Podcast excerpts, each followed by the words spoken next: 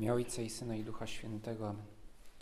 Panie mój Boże mój, wierzę mocno, że jesteś tu obecny, że mnie widzisz, że mnie słyszysz. Uwielbiam Cię z najgłębszą uczcią. Proszę Ciebie o przebaczenie moich grzechów i łaskę owocnego przeżycia tego czasu modlitwy. Matko moja niepokalana, święty Józefie Ojcze i Panie mój, Aniele stróżu mój, wstawcie się za mną.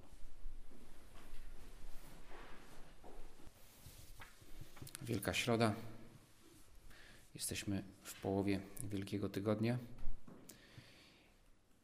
i liturgia przygotowuje nas w tych dniach, właśnie pierwszej połowy, aby już bezpośrednio nas przygotowuje do przeżycia najważniejszych dni w dziejach świata.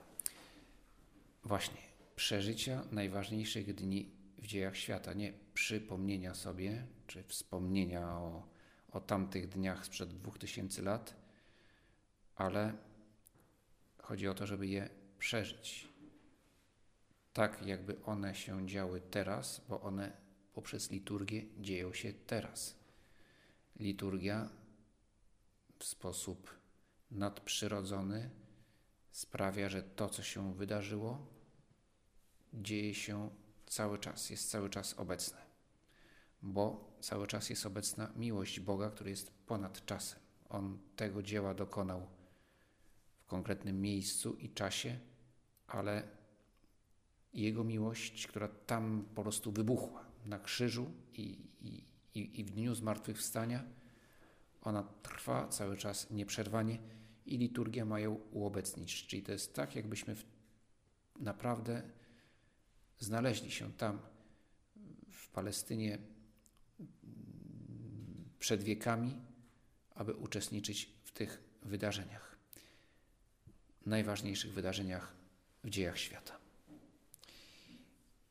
W niedzielę przeżywaliśmy uroczysty wjazd Pana Jezusa do Jerozolimy.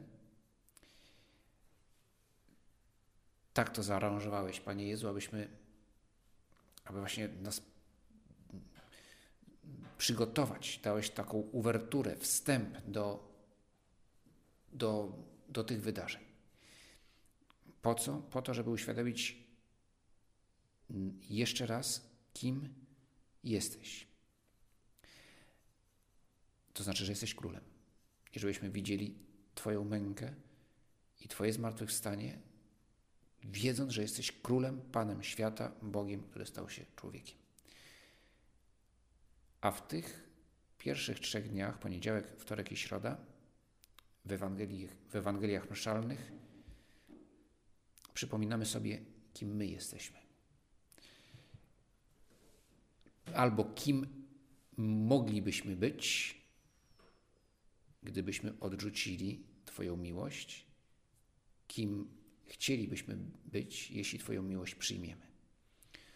Wielki Poniedziałek widzimy bohaterką, czy bohaterkami jest Maria i Marta. Marta może na drugim planie, ale przede wszystkim Maria, która namaszcza Pana Jezusa drogocennym olejkiem hojność Marii, hojność Marty ich wielkie serca. Widzimy też w tych dniach, słuchając Ewangelii na mszy świętej, wierność, ale i słabość uczniów, w szczególności Piotra, która potem jakby na razie tylko słyszymy zapowiedź, którą Ty, ty Panie Jezu, dajesz, że Piotrze, jesteś taki mocny w gębie, ale, ale kogut nie zapije, a Ty się trzy razy, a Ty się mnie trzy razy zaprzesz i to przejmująco objawi się w noc piątkową. I wreszcie widzimy nikczemność jednego z uczniów, Judasza. Powiedziawszy to, Jezus doznał głębokiego wzruszenia i tak oświadczył: Zaprawdę, zaprawdę, powiadam wam, jeden z was mnie zdradzi. Spoglądali uczniowie jeden na drugiego, niepewni, o kim mówi.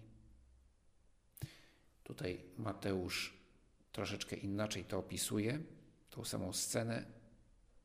Bardzo tym zasmuceni zaczęli pytać jeden przez drugiego: Chyba nie ja, panie. Smutek, niepokój, trwoga. Uczniowie się boją. Te słowa ich przerażają. Bo te słowa to nie jest zwykłe upomnienie. Tyle razy ich upominałeś i oni Twoje upomnienia przyjmowali z wdzięcznością, może czasami ze wstydem, ale, ale wiedzieli, że, że kiedy ich upominasz, mówisz to, żeby im pomóc, mówisz to z miłością.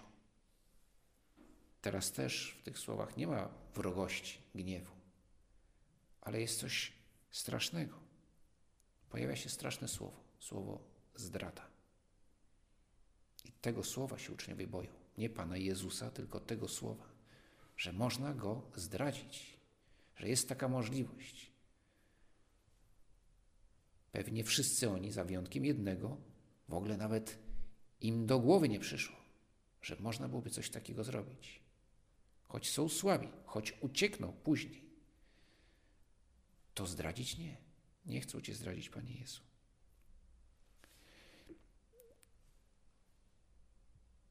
Nasza miłość do Ciebie nie opiera się na strachu, ale dobrze, abyśmy czuli obawę czy strach przed zdradą, przed moją zdradą.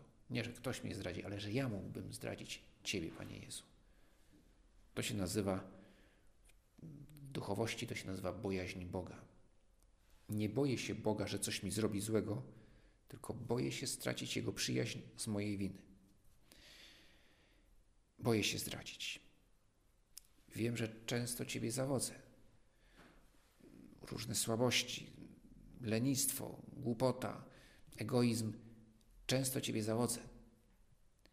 To jeszcze nie jest zdrada. Można powiedzieć, jeżeli byśmy tak chcieli to jakoś umieścić w, w, w terminologii moralnej, no to, to zdradą jest grzech, grzech ciężki. Nasze grzechy lekkie, no to jest jakieś osłabienie miłości, ale to jeszcze nie jest zdrada. Tylko, że jeżeli lekceważę walkę w tych małych sprawach, to w pewnym momencie mogę, mogę powiedzieć Ci nie, odrzucić Twoją miłość, a to właśnie jest zdrada. Jeden z jego uczniów, ten, którego Jezus miłował, spoczywał na jego piersi. Jemu to dał znak Szymon Piotr i rzekł do niego: Kto to jest? O kim mówi? Ten, oparłszy się zaraz na piersi Jezusa, rzekł do niego: Panie, któż to jest? Zawsze ta, ten opis trochę może dziwić, jak oni dziwacznie siedzieli, że nie wiem, wyglądał jakby zasnął święty Jan, bo to o świętym Janie jest mowa. I, i prawda, no, nie byłoby to tak patrząc zbyt budujące, prawda? Wszyscy siedzą i tylko jeden śpi i się pochyla tak do, do wysokości piersi Pana Jezusa.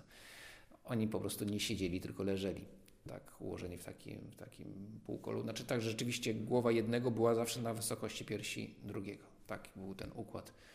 To tam na zajęciach z egzegezy biblijnej tam nawet prowadzący rozrysował, jak to wyglądało, żeby rozumieć o co chodzi, że tam nie było w tym nic zaskakującego, ale Jan to podkreśla z zupełnie innego powodu Chodziło o to, że, że to, jest, to, to brzmi bardzo symbolicznie.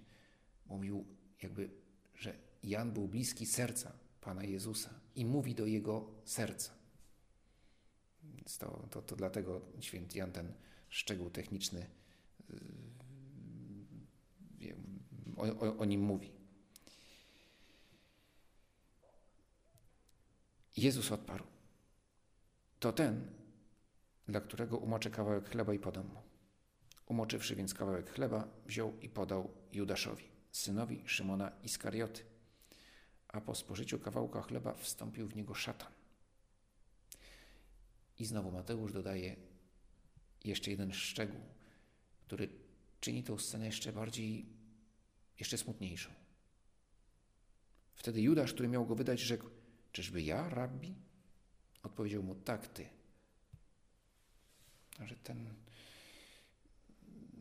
człowiek jest już tak w swej złości zamknięty, że, że kłamie bezczelnie, próbując jeszcze, udając, że to nie on, ale, a może nawet, może już wie, może już wie, tak, odkrył mnie. Jakby ten, to pytanie jest, jest takim takim ironicznym, czyżbym ja.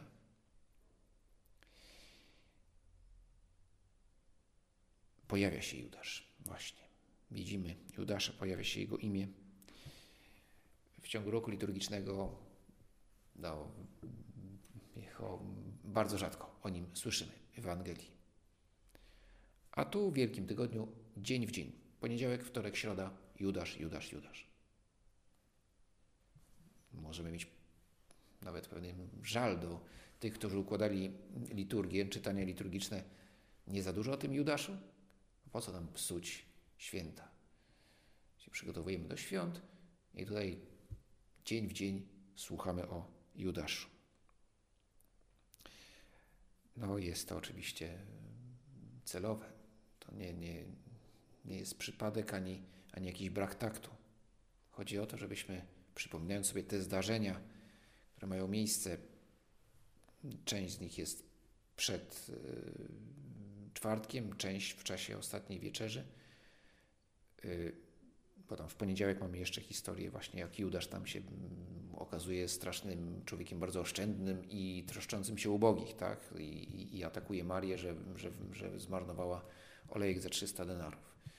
Więc to jest w innym momencie. Pozostałe dwie sceny są, reszta jest już z ostatniej wieczerzy.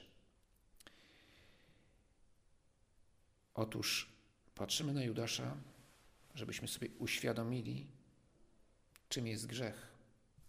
Grzech każdego z nas. I tym samym zrozumieli lepiej, co się stanie Wielki Piątek. Po pierwsze, dlaczego tak wielka była cena naszego zbawienia. Była tak wielka, bo grzech jest czymś strasznym. Każdy grzech w jakiś sposób, albo inaczej, Judasz, grzech Judasza w jakiś sposób odzwierciedla wszystkie nasze grzechy. Nie chodzi o, że on jest najgorszy ze wszystkich i, i że nie było gorszej rzeczy, jaka mogła się wydarzyć. Yy, znaczy, właściwie to tak, no, nie mogło być gorszej rzeczy niż zdradzić Pana Jezusa. To, to niewątpliwie, tylko nie chodzi, żebyśmy tutaj znęcali się nad Judaszem, jak on źle postąpił, tylko żebyśmy zobaczyli, że w tym odrażającym postępku w jakiś sposób odzwierciedlają się nie tak szalone, nie tak straszne e, uczynki, ale, ale jednak mają coś z tym wspólnego, konkretnie moje grzechy. Rozumiemy lepiej Wielki Piątek, jeśli rozumiemy co uczynił Judasz i jeśli rozumiemy, co czynimy my. I równocześnie pojmujemy, jak przeogromne jest Twoje miłosierdzie, że mimo takiego potraktowania Ty bierzesz krzyż również dla Judasza, bo bierzesz go dla wszystkich. Czy Judasz przyjął owoce odkupienia? Nie wiemy. Na przekonanie, że został potępiony, nie jest, to nie mamy w żadnej pewności. Wiemy tylko, co zrobił i jak skończył, ale czy był, czy został potępiony, nie, nie wiemy, potępiony to znaczy, że, że, że, że, że odszedł na wieki w ciemność i y, do piekła, to tego, tego powiedzieć nie możemy. Ale, ale to, co, to, co uczynił, no właśnie jest wstrząsające. I równocześnie, ale Ty, Panie Jezus, jesteś gotowy i to mu wybaczyć, bo jesteś gotów wybaczyć wszystko, co złego robimy, każdą naszą stratę. Tak zaczyna się męka Pana Jezusa. Pierwszy cios. Zdrada przyjaciela. Zawiedziona miłość Boga. To jest grzech. I właśnie Judasz zawiódł miłość i zaufanie, które ma ku niemu Pan Jezus. I każdy grzech w jakiś sposób jest właśnie zawodem, który czynimy samemu, samemu Bogu. No tutaj on jest bardzo taki radykalny, bo, bo, bo, bo Judasz jest świadomie przyczynia się do Twojej śmierci. Ale i nasze grzechy też w nich jest element właśnie tego zawodu, tego bolesnego zawodu i przeszywać się ból, Panie Jezu. I nas też przeszywa, jeśli sobie przypomnimy, że może czasami byliśmy choć trochę do Judasza podobni.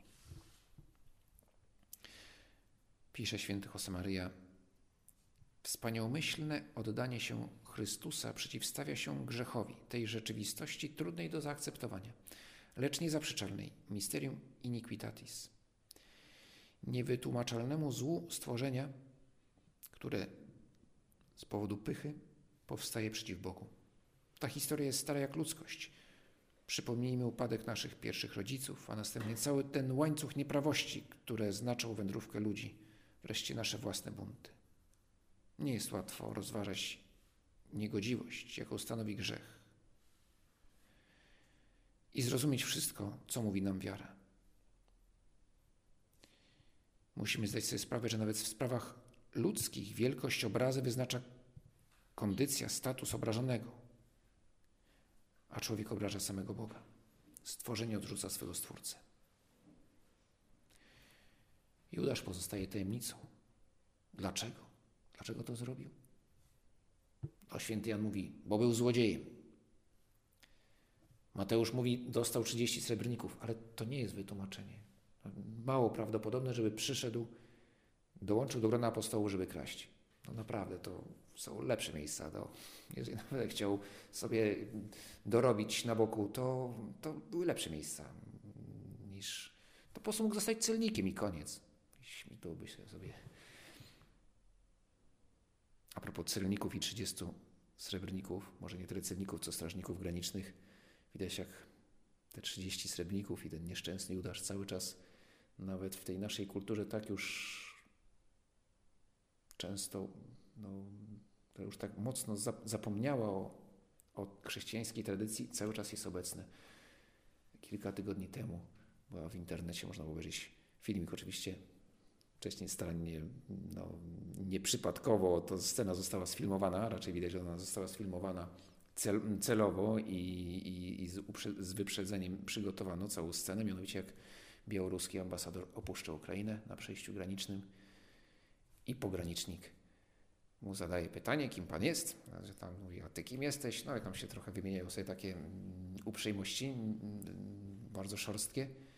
Mówi, a, ambasador, to ja mam, proszę, dostałem rozkaz, żeby pan przekazał, ma pan przekazać szefowi białoruskiej służby granicznej 30 srebrników. I wręcza mu worek, znaczy wsypuje jakieś tam monety i wręcza worek. Oczywiście ten ambasador wściekły odchodzi i ten pogranicznik rzuca w niego tymi, tymi monetami że ma przekazać 30 srebrników yy, no, zdrajcy, tak? No, komuś, kto, kto, kto, kto zdaniem Ukraińców no, był, był, był zdrajcą. Co dokładnie tam chodziło, to nie wiem, no ale gest taki, że, że bardzo mocny. Yy, ale właśnie, Ty, Panie Jezu, nie rzucasz w Judasza srebrnikami, nie wy nie, nie wyrzucasz mu tego. Nawet właśnie nie wiemy, skąd się ta zdrada wzięła. Przyjąłeś go, Panie, zaufałeś mu. To nie jest tak, że był przeznaczony do potępienia. Nie. Wybrał. To był jego wybór. Wstąpił w niego szatan. Znowu, tak można to tłumaczyć, że został opętany. Nie, to, że wstąpił w niego szatan, oznaczało po prostu dokonał ostatecznego wyboru, z którego, może właśnie nie, on jeszcze nie był ostateczny. W tym momencie wybrał, wybrał ciemność. Choć jeszcze Pan Jezus mu da szansę, aby wybrał Jego. Więc to nie jest tak, że, że Judasz był od początku potępiony. To był jego wybór. Mógł wybrać inaczej, ale wybrał ciemność już nie ma co wchodzić w przyczyny, bo mogły być różne, ale ostatecznie dokonał złego wyboru, świadomie. Tym jest właśnie grzech. Po spożyciu kawałka chleba zaraz wyszedł, a była noc. U świętego Jana jasność, światło i ciemność to są takie kategorie bardzo ważne, więc kiedy opisuje nawet, nawet jakieś elementy takie wydawałoby się tylko tła wydarzeń, kiedy mówi o ciemności i o świetle, to, to ma to znaczenie nadprzyrodzone. Ta historia wydaje się bardzo przygnębiająca, no jest przygnębiająca, albo raczej smutna, ze względu na to, no, że widzimy nasz grzech, ale równocześnie, ale równocześnie już w tym zdarzeniu jest światło. Że widzimy Ciebie, Panie Jezu, który już rozpoczynasz dzieło zbawienia. Jak delikatny jesteś wobec tego zdrajcy. Mogłeś powiedzieć, to jest zdrajca. Jan z Jakubem by nie pozwolili Judaszowi wyjść, znaczy by go wynieśli y, martwego, gdyby im Pan Jezus na to pozwolił. Ale oni wiedzą, że im na to nie pozwoli. Pozwala Judaszowi wyjść. Nie mówi głośno jego imienia. Także większość uczniów w ogóle się nie zorientowała, o kogo chodzi. To w Ewangelii jest o tym mowa. Oni myśleli, że on poszedł coś kupić. Nie wiedzą. Tylko Jan i Piotr wiedzą, że Judasz jest zdrajcą. Bo nie chcesz go skompromitować, bo dajesz mu szansę. Gest podania chleba. Znowu wygląda tak jakby jakiś tajny znak. Nie, nie żaden tajny znak. Pan Jezus, gest podania chleba, zanurzenie go w, w, w naczyniu z gorzkimi ziołami i podanie go komuś był gestem przyjaźni. I Pan Jezus mówi: Jesteś moim przyjacielem, wiem kim jesteś, zdradziłeś mnie, a ja ci podaję chleb. No cóż, w tym momencie dusza Judasza była już tak skarlała, że gest miłości wywołuje w nim jeszcze większą wściekłość. Tak się czasami zdarza, jak ktoś jest tak emocjonalnie nakręcony, hoduje w sobie nienawiść do jakiegoś człowieka, to jeżeli ten człowiek okazuje życzliwość, to może nawet wywołać reakcję przeciwną. Nie uspokojenie, tylko jeszcze większą, większą złość. I tak się właśnie stało z Judaszem. Ale potem kolejną okazję mu dajesz w ogrójcu. Mówisz mu przyjacielu, i to nie jest takie yy, określenie ironiczne. Pan Jezus no, czasami używa ironii, używał ironii w odniesieniu do, do zachowań yy, faryzeuszy, ale na pewno nie w tym momencie. Yy, bo nie chce Pan Jezus nie chce nigdy, żeby kogoś, kogoś ranić złośliwie. To jest oczywiste. Więc to słowo przyjacielu nie jest ironiczne. Mówi, przyjacielu, cały czas jesteś moim przyjacielem. Możesz jeszcze, możesz jeszcze wszystko zmienić. To znaczy już nie zmienisz tego, że, że wydałeś mnie bandytom. No, tego już nie zmienisz. Ale możesz się nawrócić. Droga do nawrócenia była dla Judasza otwarta. Wydaje się, że, że z niej nie skorzystał, co najmniej z tego, co o nim wiemy. Ale, no właśnie, żebyśmy nie kończyli tak przygnębiająco historią Judasza. Jak, w jakim kontraście do niego jest Szymon Piotr. Też słaby, Zdrada Szymona była zupełnie innego rodzaju. To nie było długo przemyślane, stopniowe odchodzenie od Pana Jezusa. Słabość, no, nie tak znowu chwilowa, bo to trzykrotnie Szymon powtarza, że nie znam go, nie znam go. Jest to inna kategoria, można powiedzieć, grzechu, niewierności niż, niż Judasza. Tym niemniej jest to zdrada.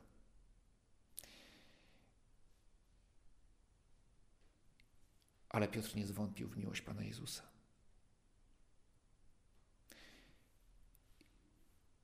Właściwie jedyną sankcją, jakąś karą ze strony Pana Jezusa za niewierność Piotra jest jedno spojrzenie. Bo mówi święty Łukasz, że, że spojrzał na niego i Piotr gorzko zapłakał pod wpływem tego spojrzenia. No ale oczywiście to nie jest kara jako zemsta. To nie jest takie spojrzenie, a teraz będziesz to teraz będziesz mieć wyrzuty sumienia i będzie bardzo, i bardzo ci tak dobrze. Nie. Pan Jezus na niego patrzy z miłością i z żalem i to spojrzenie, to jedno spojrzenie dla Piotra wystarczy, aby naprawdę żałował, ale nie w sposób beznadziejny, jak Judasz, który trudno powiedzieć, że żałował, że jest wściekły na siebie, sfrustrowany, że postąpił źle, ale nie umie żałować. A Piotr gorzko zapłakał. A Piotr się nawraca. I jak też ważne jest to, kiedy Pan Jezus zapowiada to Piotrowi, że upadnie.